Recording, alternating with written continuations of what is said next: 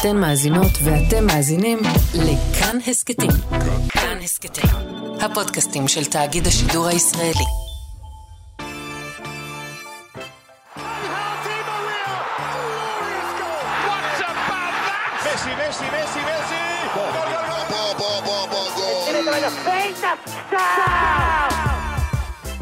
שלום, אני אורי לוי ואתם על שער הסכת הכדורגל של כאן, תאגיד השידור ואתר בבא-גול. אחרי ההצלחה של פרקי הפאנל שלנו בשנה שעברה, top שלוש בתחרות פודקאסט השנה, למקרה ששמעתם, החלטנו בעונה הזו של שער להמשיך במודל ובפורמט המשולב, שמציע גם פרקים נרטיביים וגם פרקי פאנל שיהיו דינמיים, אקטואליים יותר, אבל לא פחות מעניינים או מרחיבי דעת, בדיוק כמו שעשינו לאורך שנת המונדיאל שעברה עלינו. ועדיין, כי זה התאגיד ואתם המאזינים, הציבור הישראלי ודובר העברית, אנחנו מחויבים להעמיד את הסטנדרט הגבוה ביותר והבלתי מתפשר שלנו, של איכות, של קולות מגוונים, של תוכן מעניין, ולכן פרקי הפאנל ירוצו על תבנית של מקומי אזורי גלובלי. מה זה אומר? שמדי שבוע, כל יום חמישי, כן, תתחילו להתרגל, יום חמישי זה היום שלנו בשנת 2023, אנחנו נביא לכם את הסיפורים הכי מעניינים בעולם הכדורגל. קודם כל, מהכדורגל המקומי, הישראלי, על כל היבטיו והרמות שלו. אנחנו כמובן גם נביא לכם את הנושאים הכי בוערים בכדורגל האזורי, במזרח התיכון, בעולם הערבי, סיפורים שיעזרו לכם להכיר טוב יותר את האזור שאנחנו חיים בו, מבחינת כדורגל ובכלל. וכמובן, בכל שבוע אנחנו ננתח את הסיפורים הגדולים והחשובים ביותר בכדורגל העולמי, הגלובלי. עכשיו, מאיפה הבאתי את המבנה הזה? אתם בטח שואלים, זה טוב. אנחנו חיים בעולם שמשתנה כל דקה, ועולם הכדורגל מושפע מזה ישירות. עכשיו, ניסיתי לחשוב איך אנחנו יוצרים את מגזין הכדורגל הכי בועט ומרתק, אבל כזה שגם יוכל לתת תמונה מלאה, עמוקה ומעניינת, בצורה של שיחה בין אנשים שיודעים דבר או שניים על המשחק. עכשיו, בתואר הראשון שלי עשיתי קורס אצל אה, דוקטור קלאודיה קדר, בחוג ללימודים לטינו-אמריקאים באוניברסיטה העברית, שמלמד את התהליכים החשובים שעברו על אמריקה הלטינית במהלך ההיסטוריה משלוש הזוויות האלו, מקומי, אזורי, גלובלי. בהתחלה זה מבלבל, אבל ככל שעובר הזמן, מבינים שהכל קשור להכל, ושאם רוצים להבין את הכדורגל העולמי באמת, צריך לחבר אירועים ודברים שקורים פה למה שקורה באזור, ואת מה שקורה באזור למה שקורה בעולם. ואז בום, מבינים את הנושא. לעומק, והכל נהיה הרבה יותר מעניין. אז אחרי החזרה מהפגרה, עם הפרק על קריסטיאנו רונלדו, סעודיה והכדורגל עם רועי קייס בשבוע שעבר, היום פרק פאנל ראשון ל-2023, ואני רוצה להגיד שלום ובוקר טוב לאסף כהן, שלום, שלום, כן. כמה טוב להיות פה. איזה כיף, ליוסי מדינה, אהלן, כיף לחזור. כיף, כיף, כיף, ובוקר טוב לאדם חביבאללה. בוקר טוב, בוקר טוב. סבח חיר. עכשיו, לאורך העונה הזו, חברים, אנחנו נארח גם, בעזרת השם, מאמנים, שחקנים, פרשנים, פרשניות, אה, וקולות מגוונים וחדשים מכל אה, אטמוספירת הכדורגל שיש לנו פה, הכל כדי להביא לכם מדי שבוע תמונה עשירה של עולם הכדורגל מהזווית המקומית, האזורית והעולמית. אז יאללה, יוצאים לדרך.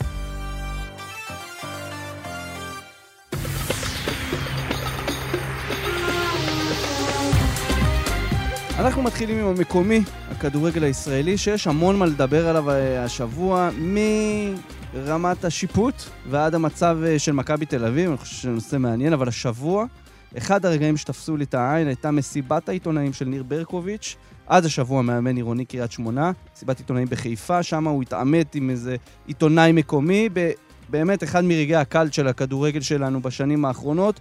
הוא גם פוטר מקריית שמונה, שאחרי כל הבלגן הזה החתימה מחדש את uh, סלובודן דראפיץ', שבעצם פוטר משם בבושת פנים בעונה שעברה. עכשיו, יוסי, אני, כשאני חושב על כדורגל ישראלי, אני הולך אליך. Uh, כולם אומרים, זה הכדורגל הישראלי, אין פה סבלנות, אין פה כלום, מעמד המאמן, שזה נכון, אבל אתה מביא איזשהו נתון מעניין שיכול ללמד אותנו משהו כשאנחנו מדברים על הדבר הזה שנקרא מעמד המאמן בכדורגל הישראלי. תשמע, עוד לפני הנתון, רק זה שדראפיץ' חזר, כי זה היה חצי עונה הוא בקריית שמונה, ואיזי שרצי אומר, הוא המאמן הכי גרוע, המאמן הכי גרוע, המאמן הכי גרוע.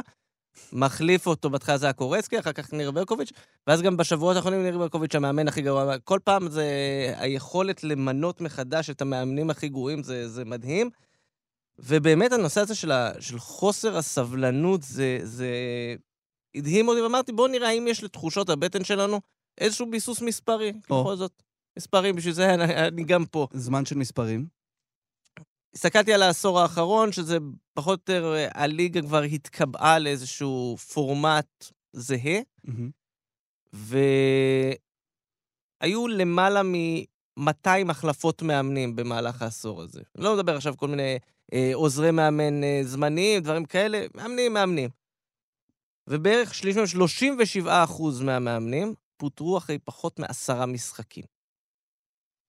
עכשיו, אם אני מסתכל, מה שנקרא, החציון, איפה נמצאת נקודת האמצע של הקדנציות של המאמנים? 15 משחקים. ואנחנו מסתכלים באמת בליגה, מתוך 14 קבוצות, יש לנו את אה, אה, רן בן שמעון ברק בכר וזיו אריה, שכבר די ותיקים בתפקיד שלהם. כן. שניים, יוסי אבוקסיס ואליניב ברדה, רק עכשיו משלימים שנה בתפקיד, וכל השאר אה, מונו פחות או יותר במהלך העונה האחרונה. עכשיו, מילא, תגיד, זה איזשהו פתרון קסם. יאללה, בוא נפטר מאמן, אולי משהו ישתפר. אוקיי. הקטע הוא שגם אה, שליש מהחילופים האלה מסת... מסתיימים בזה שהמאמן הנכנס משיג פחות נקודות. קצב צבירת הנקודות שלו הוא פחות טוב. זאת אומרת, זה אפילו לא עוזר. אפילו לא עוזר. עכשיו, גם אם מסתכלים, אה, אתה יודע, יכול להיות שיש כאלה שזה כל כך מינורי ויש להם כל כך מעט משחקים שבאמת לא תרגיש את זה. גם אם היה איזשהו שיפור. אוקיי. ואיפה זה שם אותנו בעולם מהבחינה הזאת? תמיד אני מנסה לחשוב על, אתה יודע, כולם מתלוננים על זה ואומרים, זה הכדורגל שלנו, זה הפנים שלנו, זה...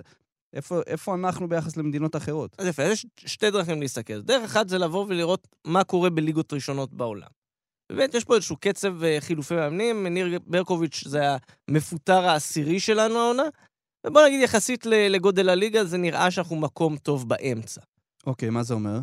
שיש ליגות יותר משוגעות מאיתנו, יש ליגות פחות משוגעות מאיתנו. מצד שני, לא מזמן התפרסם נתון די דומה באנגליה. אוקיי. 19 מתוך 35 חילופי מאמנים העונה באנגליה, זה מאמנים של פחות משנה בתפקיד, רק שיש הבדל אחד קטן בנתונים. באנגליה סופרים על ארבע הליגות הראשונות, זאת אומרת 92 קבוצות. אנחנו עם 14, אם הייתי סופר עכשיו גם את הליגה הלאומית פנימה, זה בכלל אפילו לא, תח... זה, זה לא תחנת רכבת, זה קרוסלה כבר. כן, כן. וזה נהיה באמת, אני חושב ש... אה, השאלה היא מה, מה, מה לוקחים מזה בעלי המועדונים, אם הם לוקחים. האם יהיה להם יותר סבלנות? האם הם יבואו ו- וייתנו, רגע, שנייה, רגע, לא צריך להחליף כל יומיים? ובמידה מסוימת אני אשאל גם את המאמנים, אם הם מאזינים לנו, עד אוקיי. כמה הם מוכנים להוריד מעצמם בשביל לא לשבת בבית. שאלה טובה. שאלה טובה שאגב, אני, אני לוקח את מה שאתה אומר, וכמו שאמרת, מבחינת הכדורגל העולמי, אנחנו איפשהו במקום טוב באמצע, או אם נסתכל על הפול שאנחנו נמצאים בו באירופה, בוופא, אנחנו במקום טוב באמצע, אנחנו לא סרביה ש... 15 מאמנים מתפטרים שם אה, בחצי עונה, אבל אנחנו עם, עם עשרה מאמנים, אז זה, זה באמת אה, כמות זה. אדם, מה, איך אתה רואה את הנתונים האלה שיוסי מביא לנו, ומה זה אומר על הכדורגל שלנו? אתמול הייתה לי שיחה עם אחד החברים הטובים שמתעסק בכדורגל, פרשן ספורט. שאלתי אותו, תגיד לי, לאור התוצאות של מכבי ריינה, שרון מימר היה מזמן מפוטר. כאילו, הוא לא עשה שום דבר שם. מהמם. אז הוא אומר לי, רגע, זה כיסא שמתחלף, שמות שמתחלפים, שרון הולך, אז בא מישהו אחר, והאחר יפוטר אחרי תשעה, עשרה מחזורים. אז עדיף להישאר עם שרון מימר, ואני רוצה לתת דוגמה אולי קלאסית לקבוצה שאולי כיבדה את אה, המאמן של הפועל ירושלים שנה שעברה, ואני נתתי את הדוגמה הזאת גם למכבי ריינה כשהייתה לי שיחה עם ההנהלה שלהם. אמרתי. להם, אם אתם לא מאמינים בדרכו של אדם האדי שהתחיל את העונה, תנו לו את ה- את הקרדיט, את המפתחות להתבגר, להשתלב, לתת, אה, להיות המאמן הראשון הבכיר של המגזר אחרי עזמי נסאר וכולם שלוקח את ה... ש... ש... שילמד, שיהיה לו שכר לימוד טוב. זאת ההזדמנות. ותסתכלו על הפועל ירושלים, תוצאות גרועות היו, בסופו של דבר נשארו בליגה, ואנחנו היום רואים קבוצה מצוינת יחסית למה שהיו בשנה שעברה. וזיו ארי לקח את הקבוצה, בנה תלכיד מצוין, למד, כמו שהקבוצה למדה, ואני חושב שאנחנו נמצאים במיטה חולה בכדורגל הישראלי. וצר לי מאוד להגיד שהמאמנים גם מבזים את המעמד עצמו. דראפיץ' הושפל, הוא מאמן מצוין, הוא חוזר שוב הפעם לאותם, לאותו מקום, והוא יודע שהאיש מתערב לו. עכשיו, זה אומר שאנחנו צריכים פה, אה, מבחן התוצאה זה שקובע, צורת המשחק. זה לא רק מתחיל אצל המאמנים, לצערי, אני לפעמים מסתכל, אנחנו באנו מהמונדיאל בקטאר וראינו כן. תוספת של זמן של 20 דקות, אל תבזבז זמן. ובושה לראות שבכדורגל המודרני שהכדורגל הישראלי אולי משוחק, אתה יכול לבדוק גם את הנתונים, אתה מאוד חזק בזה. אולי אנחנו משחקים 40 דקות. מי שמשלם 100 שקל ו-90 שקל, כן, 50 נקניקי- ומשהו נראה לי. פלוס 51. אם אני פלוס זוכר נכון. נקניקייה שעולה היום 40 שקל, כדי לראות 40 דקות. אתה אומר זה לא הבעיה היחידה. אסף? כן, המאמנים אה, זה עוד דבר בחוסר אה, חזון של הרבה מאוד מועדונים בכדורגל פה. וזה לא מקרי שמועדונים שיש להם איזשהו חזון, אפשר להתווכח עליו, על, על, על מהו החזון הזה, אבל יש בו חזון. מכבי חיפה, הפועל באר שבע, גם מכבי תל אביב אני שם שם, שם חילופי המאמנים הם לא בהכרח על, על איזושהי אה, אה, יד קלה על ההדק, בוודאי הפועל ירושלים, גם אשדוד, שם המאמנים מחזיקים יותר זמן. זה מוביל לזה. תראו, אפשר אה, לבוא ולדבר על כדורגל כאילו זה עולם אחר מעולם התעסוקה הרגיל, אבל כל אחד מאיתנו, ביטחון תעסוקתי זה אחד הדברים הכי משמעותיים והכי חשובים עבורו. וגם למ... גם, גם לאנשים שעובדים כמאמן כדורגל, ביטחון תעסוקתי הוא חשוב. וכשאין אותו בכל כך הרבה מועדונים כאן, אז הדבר הבא שאתה חושב עליו זה לא איך אני אה, מנחיל שיטת משחק שאולי בעוד חצי עונה תהיה טובה, אלא איך אני לא מפסיד את המשחק הבא. השבוע יצא לי, פרשנתי בספורט אחת את, אה, את הפועל תל אביב, הפועל חדרה. אוקיי. זה היה אחד המשחקים הכי גרועים שיצא לי לראות בעיניים שלי, וראיתי אלפי משחקים בחיי. זה היה נורא בגלל שמצד אחד, בגלל ששני המאמנים לא רצו להפסיד את המשחק, כמו שקורה לא מעט פעמים.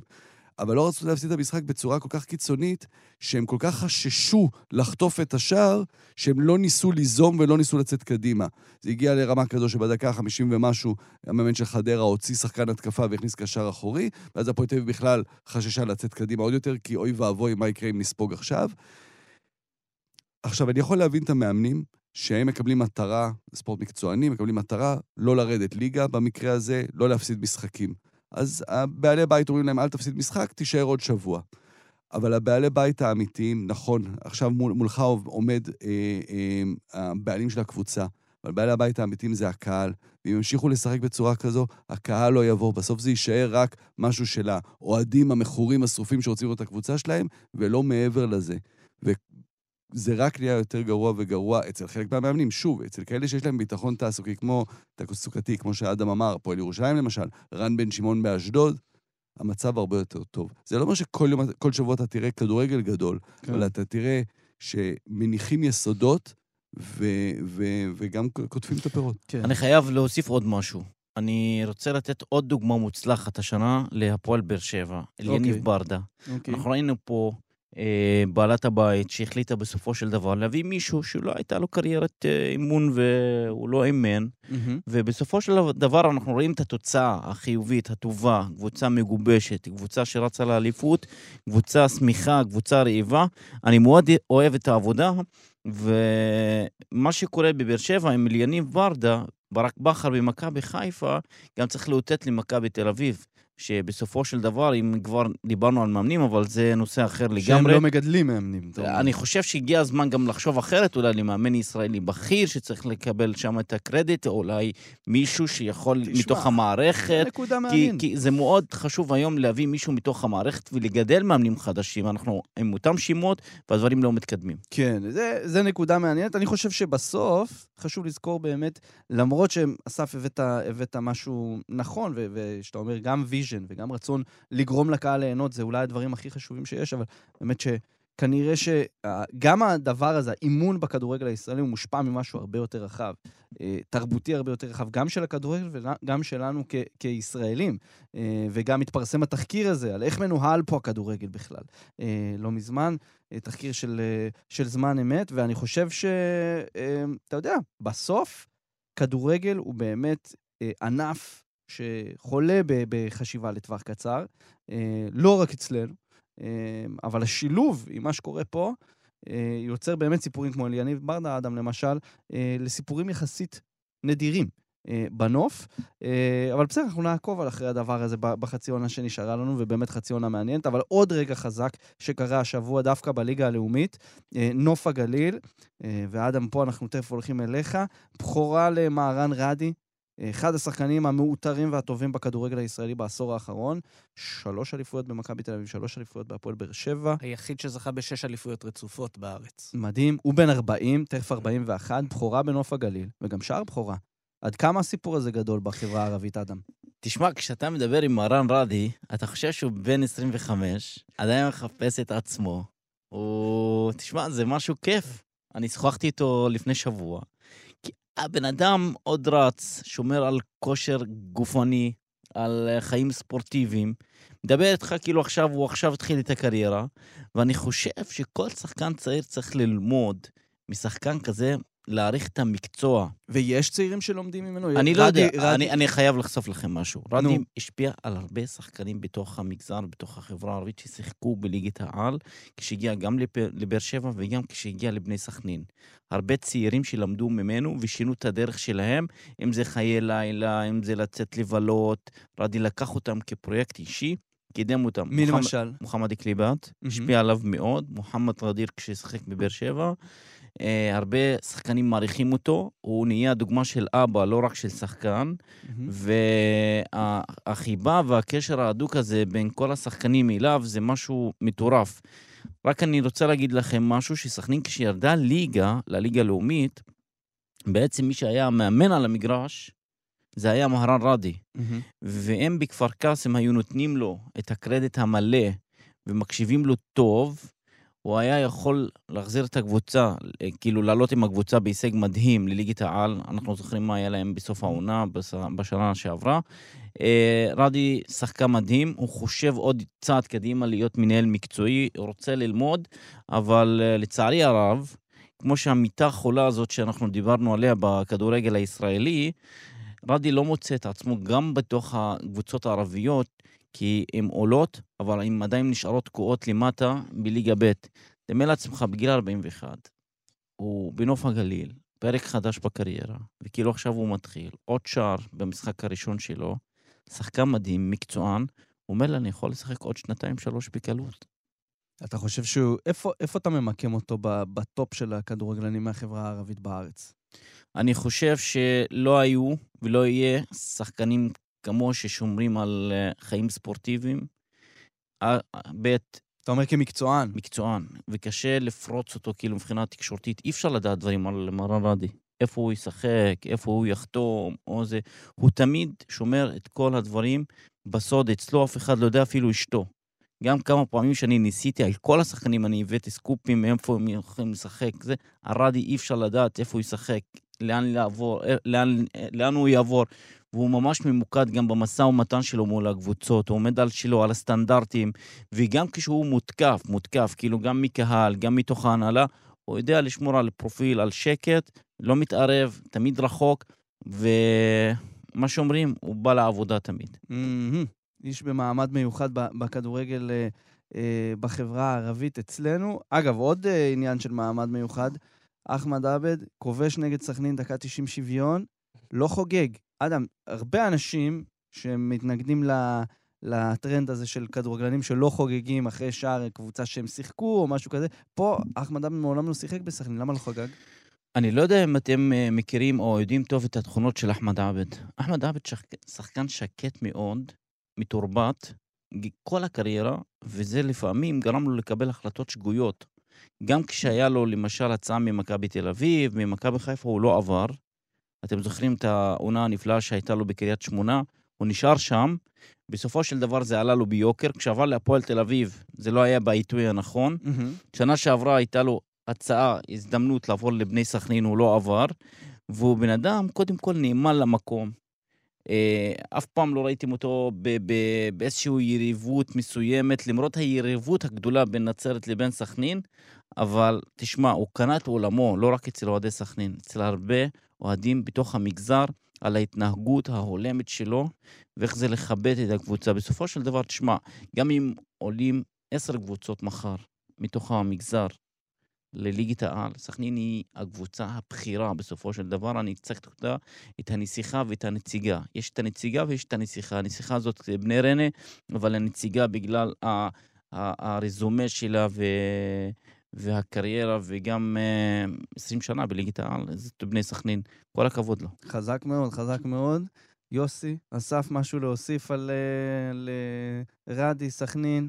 אני אומר, אחמד עבד, זה היה מקסים לראות את זה, באמת, כי אנחנו אה, מוקפים ב- ביותר מדי שחקנים ששיחקו רבע שעה בקבוצה ולא חוגגים מולה, אה, שזה נראה מאוד מגוחך, ופה באמת היה, הייתה מחווה להבנה של אחמד עבד למשהו גדול ממנו, ולמקום הזה של סכנין אה, בכדורגל הישראלי ועבור החברה הערבית, ו- וכמה היא פורצת דרך עבור לא מעט שחקנים ערבים, וגם אם הוא לא שיחק שם, אה, המשמעות שלה עבורו ו- ועבור הדור הבא של הכדורגלנים שמגיעים אה, מהחברה מאוד. הערבית.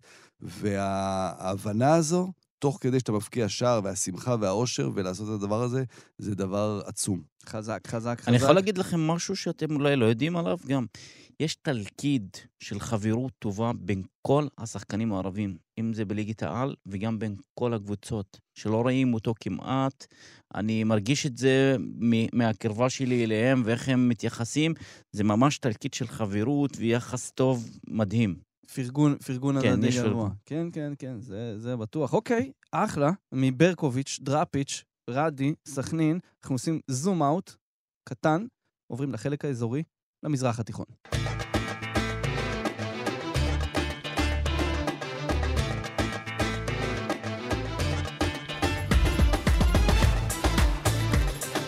סעודיה, סעודיה, סעודיה, פתחנו את העונה עם פרק על סעודיה. שוב, ממליץ, תקשיבו לו. השבוע, ממש, סעודיה זוכה באירוח מונדיאל המועדונים 2023, שיארך בדצמבר השנה אה, בממלכה הערבית הסעודית.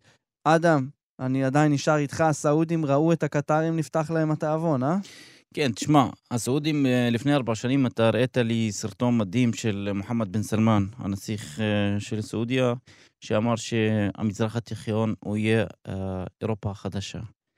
ולא פלא שאנחנו ראינו את המונדיאל בקטאר, השפיע על הרבה הרבה מדינות במזרח התיכון. ראינו את הניסיון של עיראק לארח את ה... את אה, גביע הערבים, גביע המפרץ.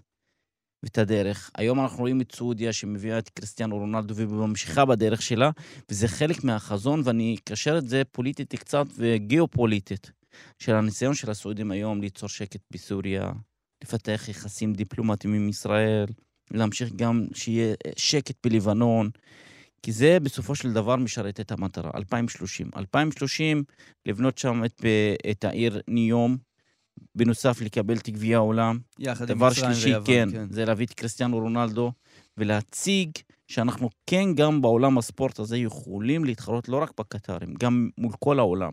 לא רק לקנות קבוצה כמו ניוקאסל, אנחנו יכולים לעשות קבוצה כמו ניוקאסל אצלנו, ואני חושב שלא, זה לא, זה נפתח אצל קריסטיאנו רונלדו, ואני לא אהיה מופתע גם אם ליונל מסי יחבור לשם.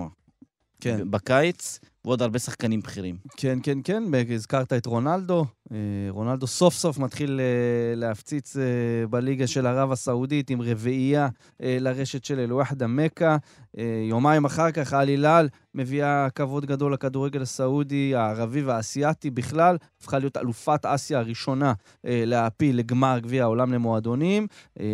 זכיתי לשדר אותם נגד פלמנגו בספורט אחד, היה חצי גמר אדיר. אה, שלוש-שתיים מרשים מאוד. אה, יוס, גם גמר מכובד אה, לאל הילל אה, מול ריאל מדריד. אתה חושב שההופעה המכובדת הזאת של הילל מתחילה לשנות לאנשים את התדמית באמת על הכדורגל האסייתי, הערבי, הסעודי? יפה. תראה, היו הבלחות לאורך השנים בגביע העולם למועדונים. את מזמבה שעלתה לגמר, רג'ה קזבלנקה. זה היה מאוד הבלחות כאלה, ותמיד גם ניצחו בחצי הגמר את היריבה מדרום אמריקה, היריבות האירופיות.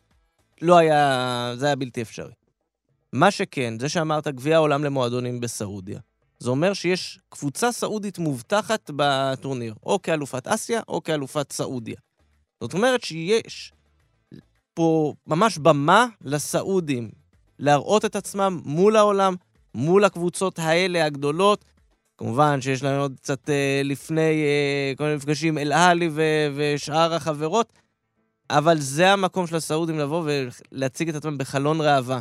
שזה לא רק אה, רונלדו שבא וזה אה, אולי קרקס ואולי אה, שחקן מזדקן שבא ל- לפרישה, להראות שיש פה איזושהי התקדמות ואיזשהו צעד גדול שהסעודים לוקחים, לא רק בקטע שיווקי, אלא גם בקטע מקצועי.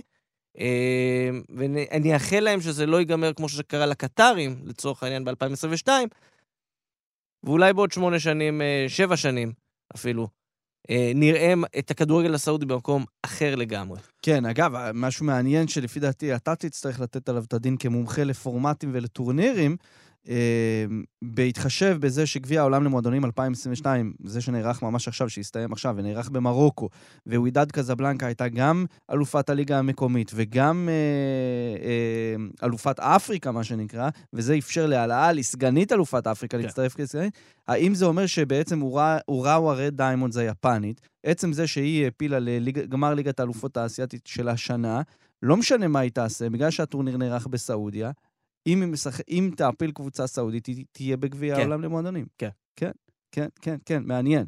אז אה, גם הכדורגל היפני יעלה על אה, ראש שמחתנו. יתרון אסף? אחד אה, כן. לסעודים על הקטרים, יש להם הרבה יתרונות, הגודל והכסף כמובן.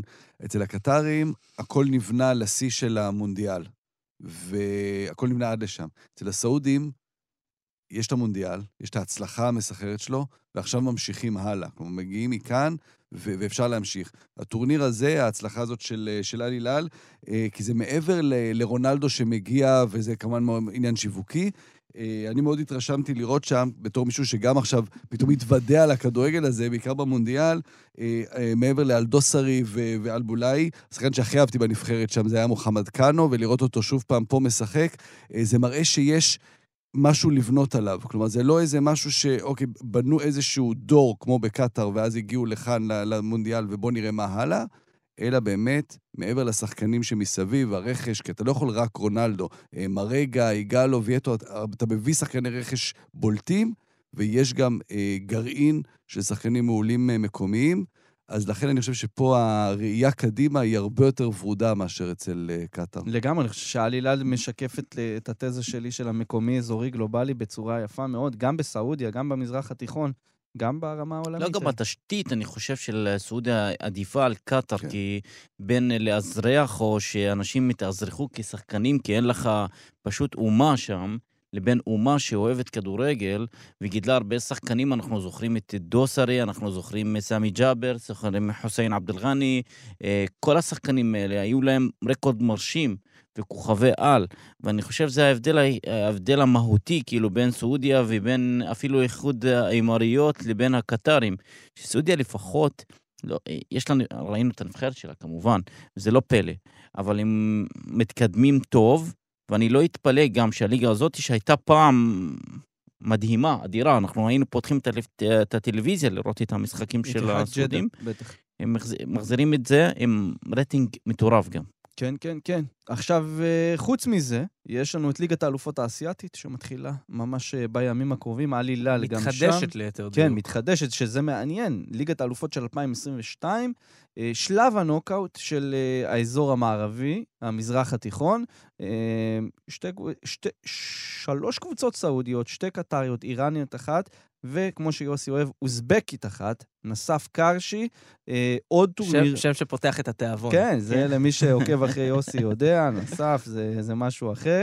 אה, זה עוד טורניר שהושפע קשות מהמונדיאל. למעשה, אוראווה רד דיימונדס היפנית כבר בגמר. היא מחכה לראות מה יקרה בנוקאוט הזה. אה, וזה ירוץ לאורך שבוע וחצי, זה קורה בקטאר. יש שימוש לאיצטדיוני המונדיאל, למי שתהה ופיקפק. יוסי. באצטדיון האיקוני בלוסייל? אה, ב- באתומאמה. באתומאמה. ישחקו ליגת האלופות של אה, אסיה. יוסי, שוב אני חוזר אליך.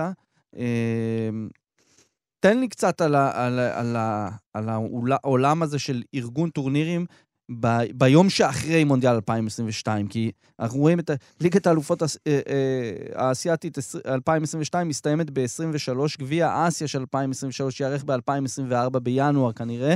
אה, בלאגן, בקיצור. אסיה, אתה אומר מונדיאל, אבל באסיה קורה משהו הרבה יותר גדול שמשפיע, שקצת שכחנו. הקורונה זה עדיין אישו, ב, ב, ב, בעיקר. במזרח אסיה.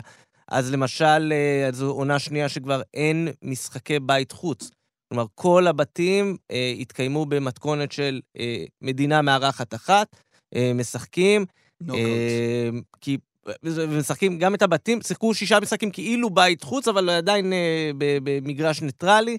אה, ואז נוצר הפיצול. אה, ליגת האלופות האסייתית היסטורית, זה מחולק למזרח-מערב כמו ב-NBA, אז המזרח כבר השלימו את הכל, נגעת באוראווה רד דיימונדס היפנית, שעשתה את כל הדרך לגמר וכבר מחכה המון זמן אה, עד לאירוע הזה, ונגיד שכחלק מהעניין, זו עונה שנייה ברצף כבר שהכל מתעוות שם בליגת האלופות. עונה הבאה הם, חוז... הם עוברים לשחק מטורניר על פני שנה קלנדרית לעונה, כמו שאנחנו מכירים, מתחילים בקיץ, מסיימים אה, בקיץ אחריו, ובתוך כל האירוע הזה, נגיד שלאסיה יש עוד מפעל הרי, גביע ה-AFC, שהוא כבר נגמר, המהדורה של 2022 כבר הסתיימה, כבר יש זוכה, אה, סיבה הומנית, כאילו, זה הכל שם באמת המון המון בלאגן אה, ארגוני, בירוקרטי, גם גביע אסיה שדיברת עליו, הוא נדחה כי סין הייתה אמורה לארח נכון. ולא יכולה, אז אה, המונדיאל, הקורונה, הכל מתערבב ביחד לכדי אה,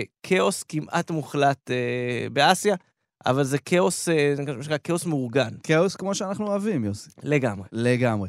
אז מליגת האלופות של אסיה, אנחנו עושים עוד זום אאוט ועוברים למבט הגלובלי לכדורגל העולמי, וגם שם, ליגת האלופות, פרמייר ליג והרבה בלאגן.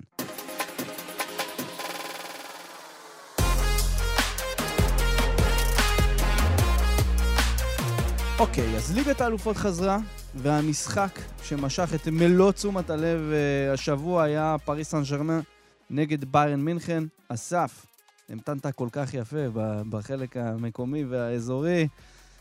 המשבר בפריז, אמיתי. התלות באמבפי באמת עד כדי כך קריטי, זה בעצם איזשהו כמה קליקים קדימה של מה שראינו מנבחרת צרפת במונדיאל, אנחנו רואים בפריס סן ג'רמן עכשיו. כן, התשובה היא כן, קודם כל. אה, התלות היא מוחלטת, ויש לזה כמה סיבות. נתחיל אולי בגישה בצד המקצועי. כמו שכריסטיאנו רונלדו באיזשהו שלב הפך לנטל ולבעיה עבור מנצ'סטר יונייטד בגלל שהוא לא אה, עוזר במשחק הלחץ. אה, בלי כדור הוא נטל על הקבוצה. מסי, נאמר ובצורה כלשהי גם אמבפה, הם נטל על פריס סן ג'רמן בלי כדור. עכשיו, אפשר להחביא את זה רוב העונה, כשאתה הקבוצה הדומיננטית, אתה הקבוצה הבולטת. ברגע שאתה מגיע למשחקים מול יריבות ראויות, יריבות שעומדות עם שחקנים לא פחות טובים מולך, אה, אז, אז, אז אה, מת- מתגלה הבעיה. אה, הם הפסידו 1-0 במשחק נגד ביין, אה, כמובן זה לא אומר כלום, כי בגומלין, שאומנם יהיה במינכן עדיין, אני מניח ששם כבר אמבפה ישחק 90 דקות, אה, ו, והם יכולים לעשות את המהפכה הזו.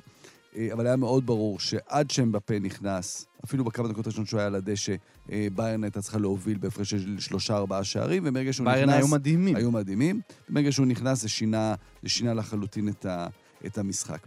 אבל מעבר לעניין המקצועי, אני רוצה לקחת את זה אולי ל, למקום, לאיזושהי מחשבה שיש לי על מהי פריס סן ג'רמן, המקום שלה בכדורגל העולמי, אה, מבחינה חברתית והיסטורית. חושב שפריס סן ג'רמן היא קצת כמו אה, מדינה עבור אקספטס. מה זאת אומרת? אקספט מגיע לאיזושהי מדינה, הוא חי בה, הוא עובד בה, היא מקום מאוד חשוב בשבילו להצליח, אבל היא לא הבית שלו. יבוא יום והוא יחזור הביתה.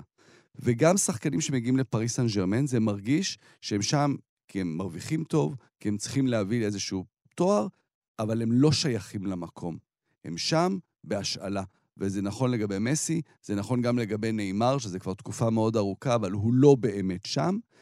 אה, יכול להיות שאמבפה שלא גדל בפריס סן אבל הוא כן צרפתי, והוא כן נראה שהוא מסמל את הקבוצה הזו, הוא כן שם, אם כי גם עליו הדיבורים כל הזמן הם מתי הוא הולך לריאל מדריד. אה, יכול להיות שההופעה עכשיו של זעיר אמרי, בן 16, אה, משנה משהו ותהפוך את פריז גם לקבוצה שמגדלת שחקנים, שאז כבר יש גם איזשהו אופי של שחקני בית. היא תמיד מגדלת, רק- גם מגדלת וגם נותנת להם את המפתחות ל- ל- לקבוצה הראשונה. נכון, כן. נכון. זה היה מאוד יפה לראות שדווקא אותו אמבפה החליף, ואז זה גם יש איזה, איזה משהו סימבולי. אבל בניגוד לכוחות הישנים, אה, אה, שזה ביירן, שלה הפסידה, אה, ודאי הקבוצות האנגליות, יובנטוס, ברצלונה, ריאל, אה, אין לפריס סן ג'רמן עדיין את הדבר הזה, את ההיסטוריה הזו, שאתה לא יכול לקנות אותה בכסף, אתה כן יכול לקנות אותה לאורך זמן, ובוודאי שהם ימשיכו להיות בטופ, אה, אז, אז, אז זה יגיע.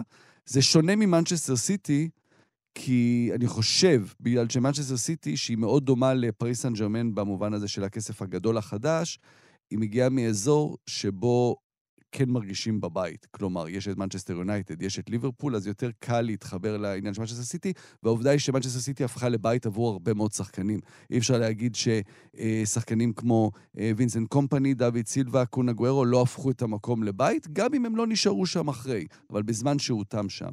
אני חושב שבאמת העניין הזה של סיטי, של... של גם של- גוארדיולה ש- שם. בדיוק, ש- בדיוק, בדיוק, מאוד משמעותי.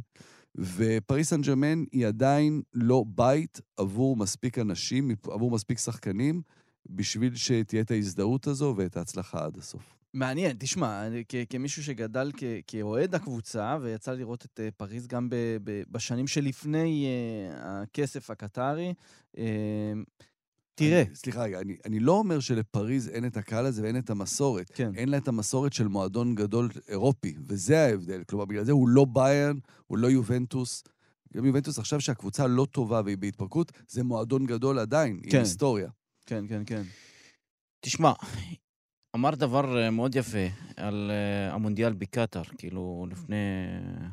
כשדיברנו לפני שתי דקות, שלוש דקות. יכול להיות שהקטרים בסופו של דבר יעזבו את אה, את PSG, כי הפרויקט נגמר, החגיגה נגמרה. וכל הקשרים שהיו צריכים אותם מול הפריסים ומול הצרפתים והאליזה, בסופו עוברים של דבר... ליונייטד אולי? בדיוק. ולכן אה, המטרה והאינטרס נגמר. אולי אה, זה בסופו של דבר מביא לשמועות שחלק מהשחקנים כן רוצים לעזוב, או הוא רוצה להיות שם, או הוא רוצה להיות שם, מישהו עובר לצ'לסי, מישהו אולי עוזב, מישהו אולי מסי לסעודיה, או לליגה יותר בכירה. אבל אנחנו חייבים להגיד משהו. כשאני מסתכל על קבוצה כמו פריס סן ג'רמן במשחק נגד ביין מיונך, יש את השייכות, דיברתם על השייכות, יש את המכונה הזאת שעובדת. ביין מיונך שאתה רואה, גם אם אתה מחליף עשר שחקנים שם, השם עדיין מרעיש ו... ויש מכונה שעובדת, בונים קבוצה שם, בונים דרך. אני לא רואה דרך בפריס סן ג'רמן. עכשיו, עם בפה, כשאנחנו ראינו אותו, יש את השייכות, הוא צרפתי בסופו של דבר. כן. אכפת לו, גם כשחזר מגביע העולם, הוא חזר כועס, עצוב. עצוב, הוא היה עצוב, למרות קבלת הפנים, בסופו של דבר הוא הפסיד בפנדלים, אבל הוא חזר עצוב. וזה מלמד אולי על, ה, על השייכות שלו, הוא מקצוען אמיתי, הוא שחקן בטופ לבל של כל העולם. אני חושב שהוא שחקן צעיר, שהוא עדיין רץ, רוצה את, את התארים, ויש לו עוד עשר שנים לשחק ולקבל עוד עשר תארים שם. הוא קיבל החלטה שגויה, הוא לא היה צריך להישאר שם, הוא היה צריך לעבור לקבוצה יותר גדולה שמחפשת תארים, אבל... אה, לא, גם פריז משחקת, אבל אולי אני- שבאמת יש לה כן. את התשתית ש- המסורתית יותר של ה- כן. של הכדורגל. אני, זה- לא, אני, אני לא, לא, לא מאמן כדורגל ולא מבין בטקטיקות, אבל כשאני רואה שלושה שחקנים, שאף אחד מהם לא יורד להגנה, לעזור לאגפים, מה אתה מצפה מנאמר ומסי? כן, אשרף. חכימי היה לו את הערב הרע בחייו. כשאתה משאיר שני שמה. שחקנים על מגן, ב, ב, כשהקבוצה הנגדית תוקפת, מהמם. שני שחקנים על אחד, אתה מצפה מנאמר שיעשה הגנה. לכן אני חושב, קבוצה לא בונים אותה בכוכבים, צריך לבנות תלכיד. ואנחנו רואים עכשיו מה קורה במנצ'סטר יונייטד, כשרשפורד חזר לעצמו, מאז שקריסטיאנו רונלדו עזב, אתה צריך לבנות שחקנים רעבים שרצים, רוצים, רוצים לקבל תארים. אז יושב... ואתמול שמעתי את גל אלברמן על מכבי חיפה. אומר, אנחנו מחפשים שחקנים שלא זכו באליפיות. זה מאוד חשוב. שלא זכו באליפויות. חמישה שחקנים. אז כל הזרים של מכבי חיפה, כולל דיה סבא השנה, לא זכו בחיים שלהם, לא באליפות ולא בגביע. גם גוני נאור לא זכה. כן. כן. תשמע, אה, נקודה מעניינת מה שאתה אומר, אדם, כי אתה יודע, כל עניין הבעלות הקטרית על פריס סן ג'רמן, ובכלל, המעורבות של הקטרים בעולם הכדורגל, השמועות שאנחנו שומעים על הניסיונות וה... וה...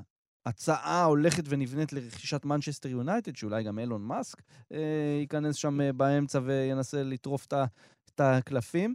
אה, אני חושב שבגדול, זה נתן תשובה אדירה לכל מי שפקפק ותהה מה הקטרים מנסים לעשות. אה, הם פה כדי להישאר, הם פה כדי להישאר במשחק הכי גדול בעולם. מה שכן מעניין זה החקירה של הפרמייר ליג ומה שקורה עם מנצ'סטר סיטי, ואיך זה ישפיע גם על הקטרים והמעורבות שלהם, גם על פריס סן ג'רמן, גם על מנצ'סטר יונייטד, גם על מנצ'סטר סיטי, וגם על ניוקאסיל יונייטד, וגם על כל מה שדיברנו בחלק האזורי על הסעודים, ומה שהם מנסים לעשות עכשיו בעולם הכדורגל, זה מאוד מעניין, וזה טרנד שאני בטוח שאנחנו נדבר עליו עוד אה, העונה. אמ, אבל אה, חוץ מליגת האלופות, שגם היה אה, ברביעי בערב עם אה, דורטמונד צ'לסי, משחק אה, איכותי ביותר.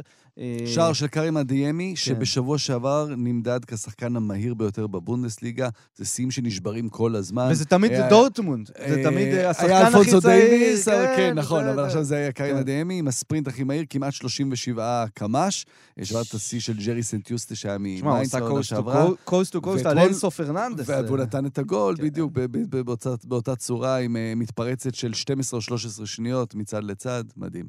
לגמרי, לגמרי. אה, אבל חוץ מליגת האלופות, ואפרופו יוסי, מה שדיברנו על אה, השלכות מונדיאל 2022, על הלוזים והפורמטים וה, והכל, במקביל לליגת האלופות, לא הבנתי את זה, איך ולמה ומה האינטרס של כל המעורבים בדבר, גם סיטי ארסנל, משחק העונה בפרמייר ליג בזמן של ליגת האלופות של נוקאוט. האמת שזה אילוץ, אילוץ שוופא אגב די כפתה. כן. כי הרי זה משחק שהיה אמור להיות מחזור אמצע שבוע, הוא נדחה בגלל שהמשחק של ארסנל מול פס ואיינדובן בליגה האירופית נדחה בגלל כל ההכנות לטקס ההשכבה של המלכה. אז למעשה וופא גרמה להזזה של המשחק הזה, אז אם וופא רוצה לפנות uh, למישהו בטענות, זה לעצמה.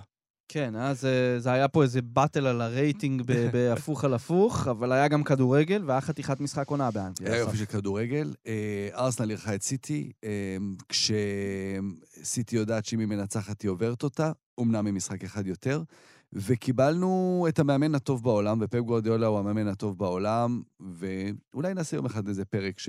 ש... שנדון בו, כי יש, יש לזה כמובן הרבה גישות והרבה מחשבות. אבל פפ גוורדיולה שוב פעם מחדש, וזה נפלא לראות את זה. בואו נחזור רגע לתחילת העונה הזו. מנצ'סטר סיטי, עם קבוצת הכדורגל שמשחקת את הכדורגל הכי טוב בעולם, גם אם הוא לא מביא אותה לזכייה בליגת האלופות, אבל כדורגל ככדורגל, אה, עושה שינוי ומביאה את החלוץ העתיד. ובעצם משנה גישה מהאיש שאולי חיסל את מעמדו של חלוץ התשע בעולם, היא מביאה את התשע הגדול הבא. ואתה אומר, אוקיי, אם הקבוצת כדורגל הזאת משחקת כדורגל כזה גדול, עם עוד חלוץ, היא תהיה נהדרת.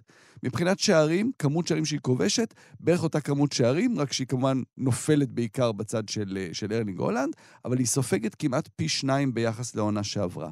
ומה בעצם קרה, הדבר הבסיסי ביותר שקרה, זה שסיטי, כשהיא שיחקה בלי חלוץ, בעצם היה לה את התשע המזויף, בלי כדור היה לה קשר נוסף, עוד שחקן שיורד אחורה ומסייע בעבודת ההגנה, מעמיס עוד שחקן בקישור.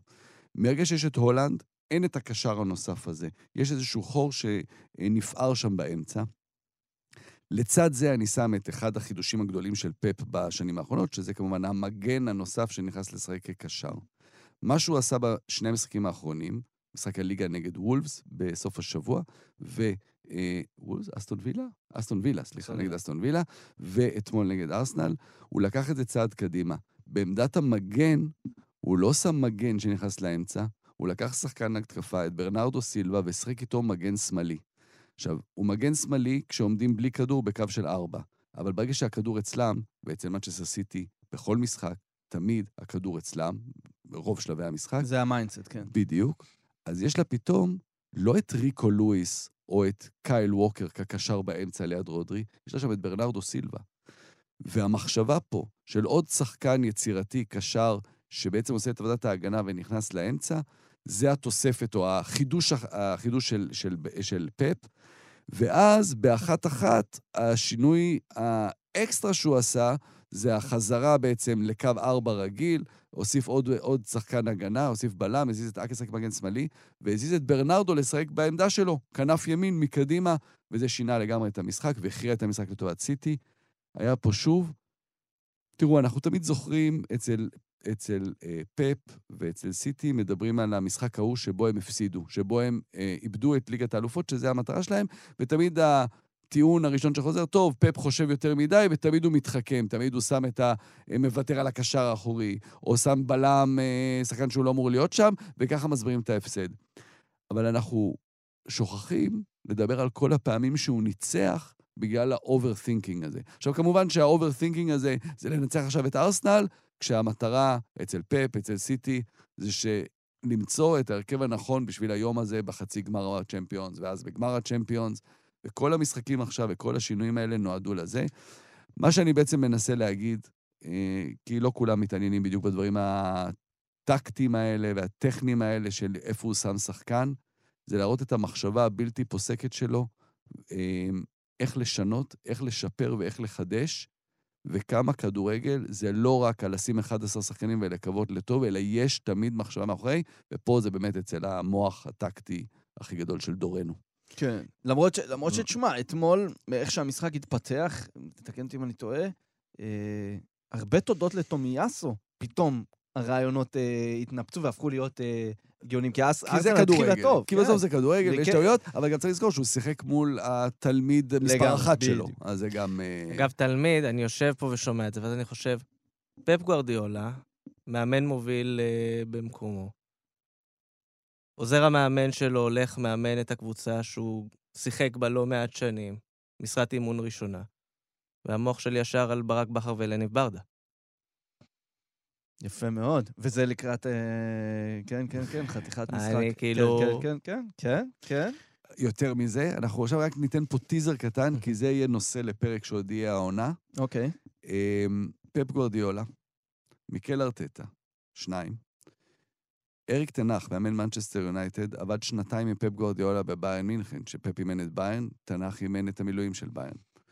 היום מביסה את הצ'מפיונשיפ ברנלי, שמאמן אותה וינסנט קומפני, כמובן תלמידו, שחקנו של פפ גורדיולה. בעונה הבאה, חמישית מקבוצות הליגה יאומנו על ידי פפ ותלמידיו. וממשיכיו. וצריך להגיד, פפ גורדיולה הוא תלמידו של יוהאן קרויף. הרבה מאוד מאמנים בעולם הם תלמידיו של יוהאן קרויף. גם כאלה כמו ארסן ונגר שלא עשו כלום תחת קרויף, נשבעו כתלמידיו. זה הכדורגל. כלומר, יש את קרויף, ואז יש את התלמידים שלו, ועכשיו פפ, ויש את הדור הבא. פפ עדיין פה, איתנו, מוביל את כולם, אבל כבר אנחנו רואים את התלמידים שלו, ו... וזה זה בעצם הדור הבא של מאמני הכדורגל המובילים. שיעור בהיסטוריה, אסף, בהיסטוריה אני- של אני- הפילוסופיה אני- של אני- הכדורגל. אני שומע בום. אותך וכיף לי מאוד לשמוע את הדברים, אבל אה, תשמע, אני הייתי בחצי הגמר של אה, מנצ'סטר סיטי נגד, אה, נגד אה, ריאל מדריד במדריד. בר- אני לא יודע, לא רואים את זה בטלוויזיה. ברבע שעה האחרונה כמעט ריאל מדריד הרימה ידיים. והיה נראה כאילו המשחק הזה גמור. ראינו גם את ההחטאות וההצלה מהקו. מה שאני רוצה להגיד, שמה שחסר לגוארדיולה, לא לעצמו, לקבוצה שלו, זאת המסורת. והוא הצהיר, ואמר את זה פעם, שהקהל של סיטי צריך להפנים שיש לו קבוצה. ברגע שאתה, אתה יודע מה, מי שניצח את, את, ברצלונה, ליברפול נגד ברצלונה, זה אניפלד. מהמם. את הרעש, את הקהל, את האפסנאי, את זה שזורק את הכדורים, כולם, כי זאת קבוצת מסורת. ולפעמים כשאתה רע בליגה, יש קבוצות שהן רעות בליגה, אבל כשמגיעים למעמד הזה, הן מנצחות. ויש קבוצות שמובילות, כמו מנצ'סטר סיטי, היא עדיין לא קנתה את המסורת, ומסורת לא קונים בכסף. צריך לקנות אותו לאורך דרך והיסטוריה. מה שחסר כרגע למנצ'סטר סיטי בליגת האלופות, זאת המסורת לנצח את המשחקים, כי אני יושב ליד מישהו, אני זוכר אותו, בא לחגוג לבן שלו בר מצווה והזמין אותו, הוא ישראלי ואנחנו לא מכירים, אבל דרך המשרד של הכרטיסים אה, הפגישו אותנו. יושבים עליה, המשחק הזה גמור, אמרתי לו, לא, חכה רגע, כי ריאל מדריד, אתה יכול ככה ב- ב- ב- בשבריש של שנייה להפוך את כל המשחק. יש לך שחקנים שמכירים טוב טוב את המעמד הזה והופכים את המשחק הזה להם. וזה ההבדל היחיד. יפה, יפה, יפה. אז באמת אנחנו נעקוב אחרי כל הדברים האלה אה, מכל הזוויות, ליגת האלופות, פרמייר ליג. מאוד אהבתי מה שקרה פה, יוסי, מקומי, אזורי, גלובלי, חזרתי ואמרתי. אה, והיו גם כל מיני סיפורים אישיים מעניינים בשבוע הזה. אה, אם זה שחקן נבחרת צ'כיה וספרטה פראג, אה, יאקוב ינקטו, שיוצא מהארון לרגל חודש הגאווה, מעניין. אה, עוד, עוד, עוד טרנד שהולך ותופס אה, תאוצה בעולם הכדורגל בשנה האחרונה. אה, אולי הכדורגלן הפעיל בפרופיל הכי גבוה ש, שיוצא בהצהרה כזו. אה, אסף, לך יש סיפור דווקא אחר שרצית להביא לנו היום. סיפור קטן, זה, זה משהו שאנחנו ננסה לעשות בפינה של הגלובלית. shoot. כן, סיפור אה, קטן אה, וקצת אה, קצת מרגש, קצת קורע לב. אה, דייוויד פרופר, דייוויד פרופר, או פרופר, כמו שצריך להגיד אה, בהולנדית טובה, אה, שחקן כדורגל בן 32, הולנדי, שגדל בויטסה, עשה קריירה יפה מאוד בויטסה, אחר כך עבר לפסו, זכה איתה גם באליפות ב-2015, הגיע לברייטון בפרמייר ליג, ואחרי זה חזר לשחק בפסו בליגה ההולנדית. אה, בהערת סוגריים, שחק גם עם לא מעט שחקנים ישראלים בקריירה שלו, עם דן מורי ושרן ייני בויטסה, עם חמד וקיאל בברייטון, ואחרי זה גם עם ערן זהבי בפסו. ינואר שעבר, אה, דייוויד פרופר מחליט לפרוש מכדורגל. הוא מרגיש שהוא אה, לא מוצא, מאז ומתמיד הוא היה שחקן קצת אחר בנוף של הכדורגלנים, הרבה יותר, אה, אה, בוא נגיד, אה, קורא ספרים ומדבר עליהם, ו... ו, ו איך מדבר על תיאוריות על החיים בכלל, אה, ולא רק על כדורגל, והוא אומר שהוא איבד את החשק, הוא לא מוצא את, ה, את הכוחות בבוקר לקום וללכת עוד פעם לאימון, והכדורגל כבר לא עושה לו את זה, תולה את הנעליים, הולך למקום אחר, ממש מתנתק מכדורגל. אחרי כמה חודשים, שוב מתעורר בו הזיק הזה, הניצוץ הזה של אני רוצה לחזור לשחק. אה, למרות שהיה לו עוד חוזה בפסו, שהפסיקו אותו, הם אומרים לו, בבקשה, אתה מוזמן לחזור, הוא רצה לחזור הביתה, לויטסל, למועדון שבו הוא גדל, שבו גם החליטו לחזור עכשיו אה, חזרה לשורשים, החזירו את פיליפ קוקו כמאמן, אה, גם מרקו ון חינקל חזר, שחקני, שחקני עבר שחזרו למועדון, והוא מתאמן חזק בזמן הפגרה, בזמן פגרת המונדיאל, חוזר לשחק. במשחק הראשון שלו, אחרי פגרת המונדיאל, חוזר, משחק 20 דקות. המשחק השני כבר עולה בהרכב נגד אמן בליגה, אמ, ונפצע במשחק הזה בברכו, יורד, מה, יורד, ל, יורד לקבל טיפול. למחרת, הבשורה באמת שקרע את רצועות הברך, וזה באמת קורע הלב. זה שחקן שכל אה, נאבק עם השדים שלו בראשו ועם עצמו, על לא לשחק, כן לשחק.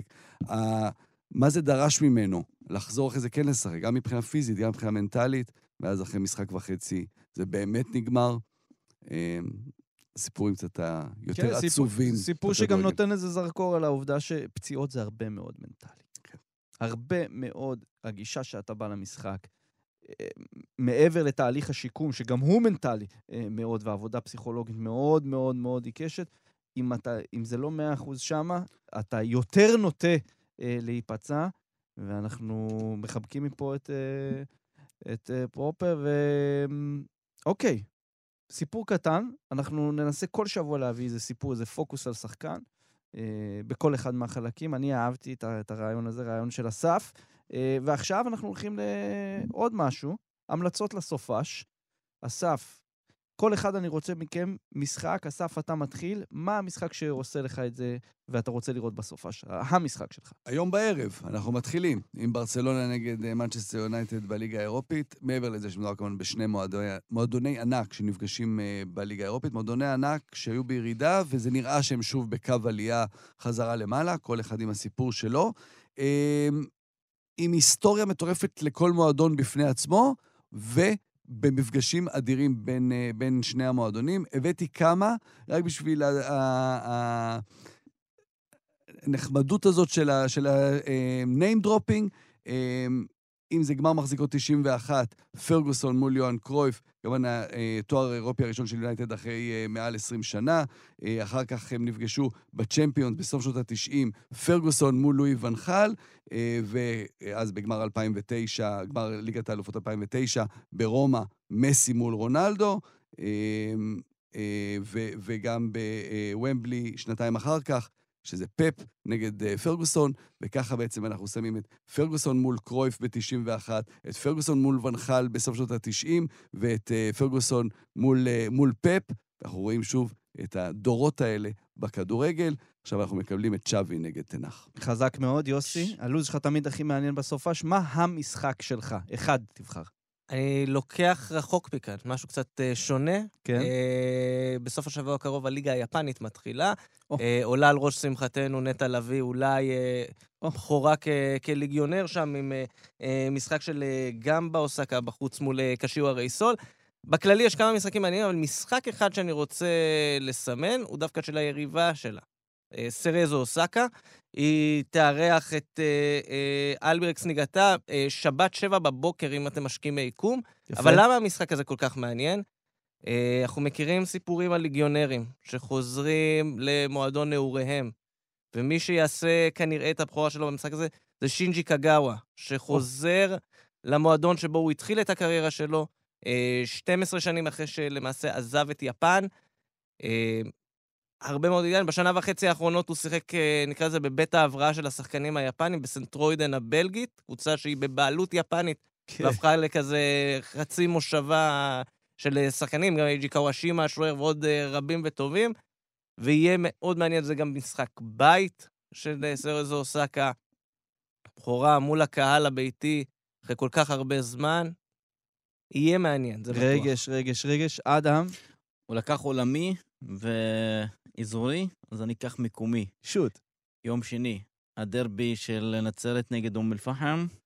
יש לו, בוא נגיד ככה, חשבון בטוח, נהיה לוהט בשנים האחרונות. אום אל-פחם רוצה לעלות.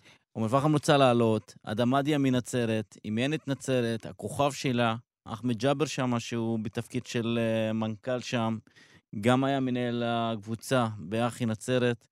אה, כן, מועדונים שהרבה אנשים עבדו לא, בשניהם. הם רבים, גם הם, הם רבו בשנים האחרונות לאור פעם שאתם זוכרים שאום אל-פחם לפני שנתיים הגיע למבחנים אחרי ה-5-1 או 4-0 של עכו על אחי נצרת, שגרם לכך שהפועל אום אל-פחם אה, הלכה למבחנים, ואז האנשים של אום אל-פחם אמרו שנצרת לא התאמצה במשחק הזה, בעצם אה, אה, אה, עכו עלתה מעל הקו האדום, אום אל-פחם הלכה למבחנים, וכאמרתי ירדה לליגה א', ומשם החשבון בטוח.